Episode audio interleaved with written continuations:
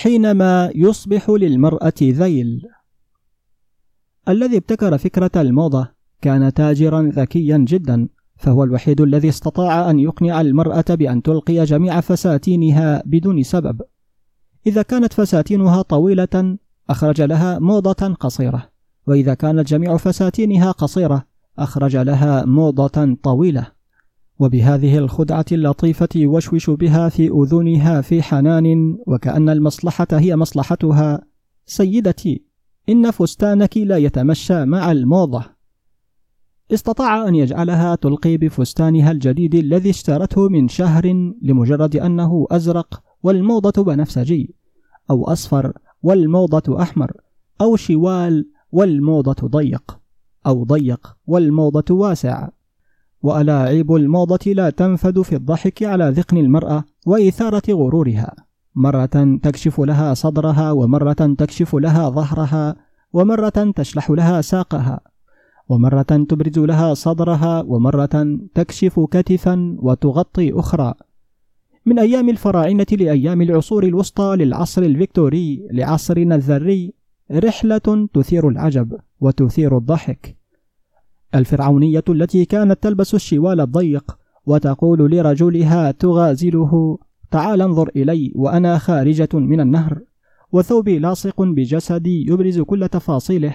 إلى زوجة لويس الرابع عشر التي تضع على رأسها ريشة وتلبس لحافا وبطانية ومن شدات وأحزمة وزنها طن إلى امرأة الواحات التي تلبس المجرجر والخلاخيل والشخاشيخ. وتضع في أنفها حلقة إلى الهندية التي تلبس الساري والمصرية التي تلتف بملاية والعربية التي تلبس العباية والباريسية التي تلبس البكيني وبنت اليوم التي تلبس ال mini jupe وال maxi jupe وتضع على عينيها نظارة ضخمة لها ضلفتين من الزجاج كأنها قمرة سفينة لعبة أشبه بلعبة المهرج ولا أستبعد أن تظهر موضة جديدة تصنع للمرأة ذيلا طويلا في مؤخرتها وأن تدور المشاجرات في البيوت وتهدد الزوجة زوجها بطلب الطلاق لأنه لم يشتري لها ذيلا لائقا مثل ذيول باقي صديقاتها.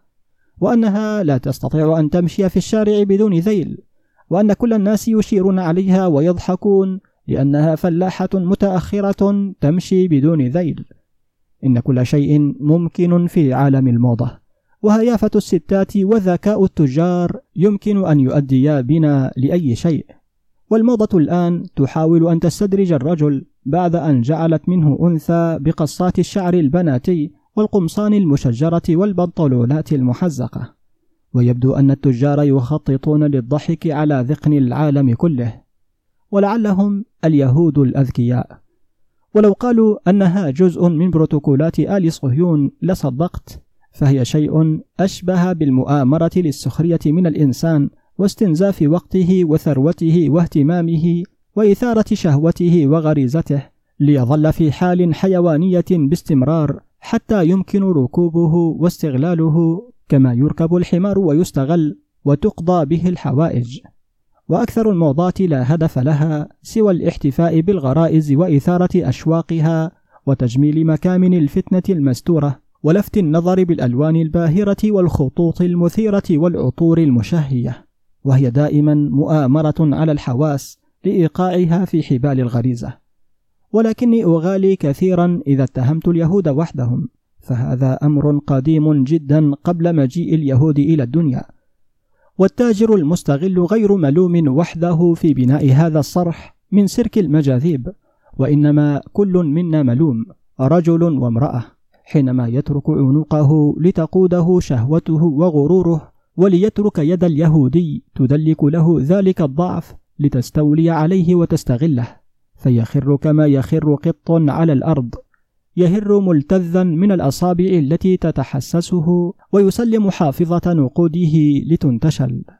صدقوني إنه لأمر مخجل جدا. ذلك الشيء الذي اسمه الموضة.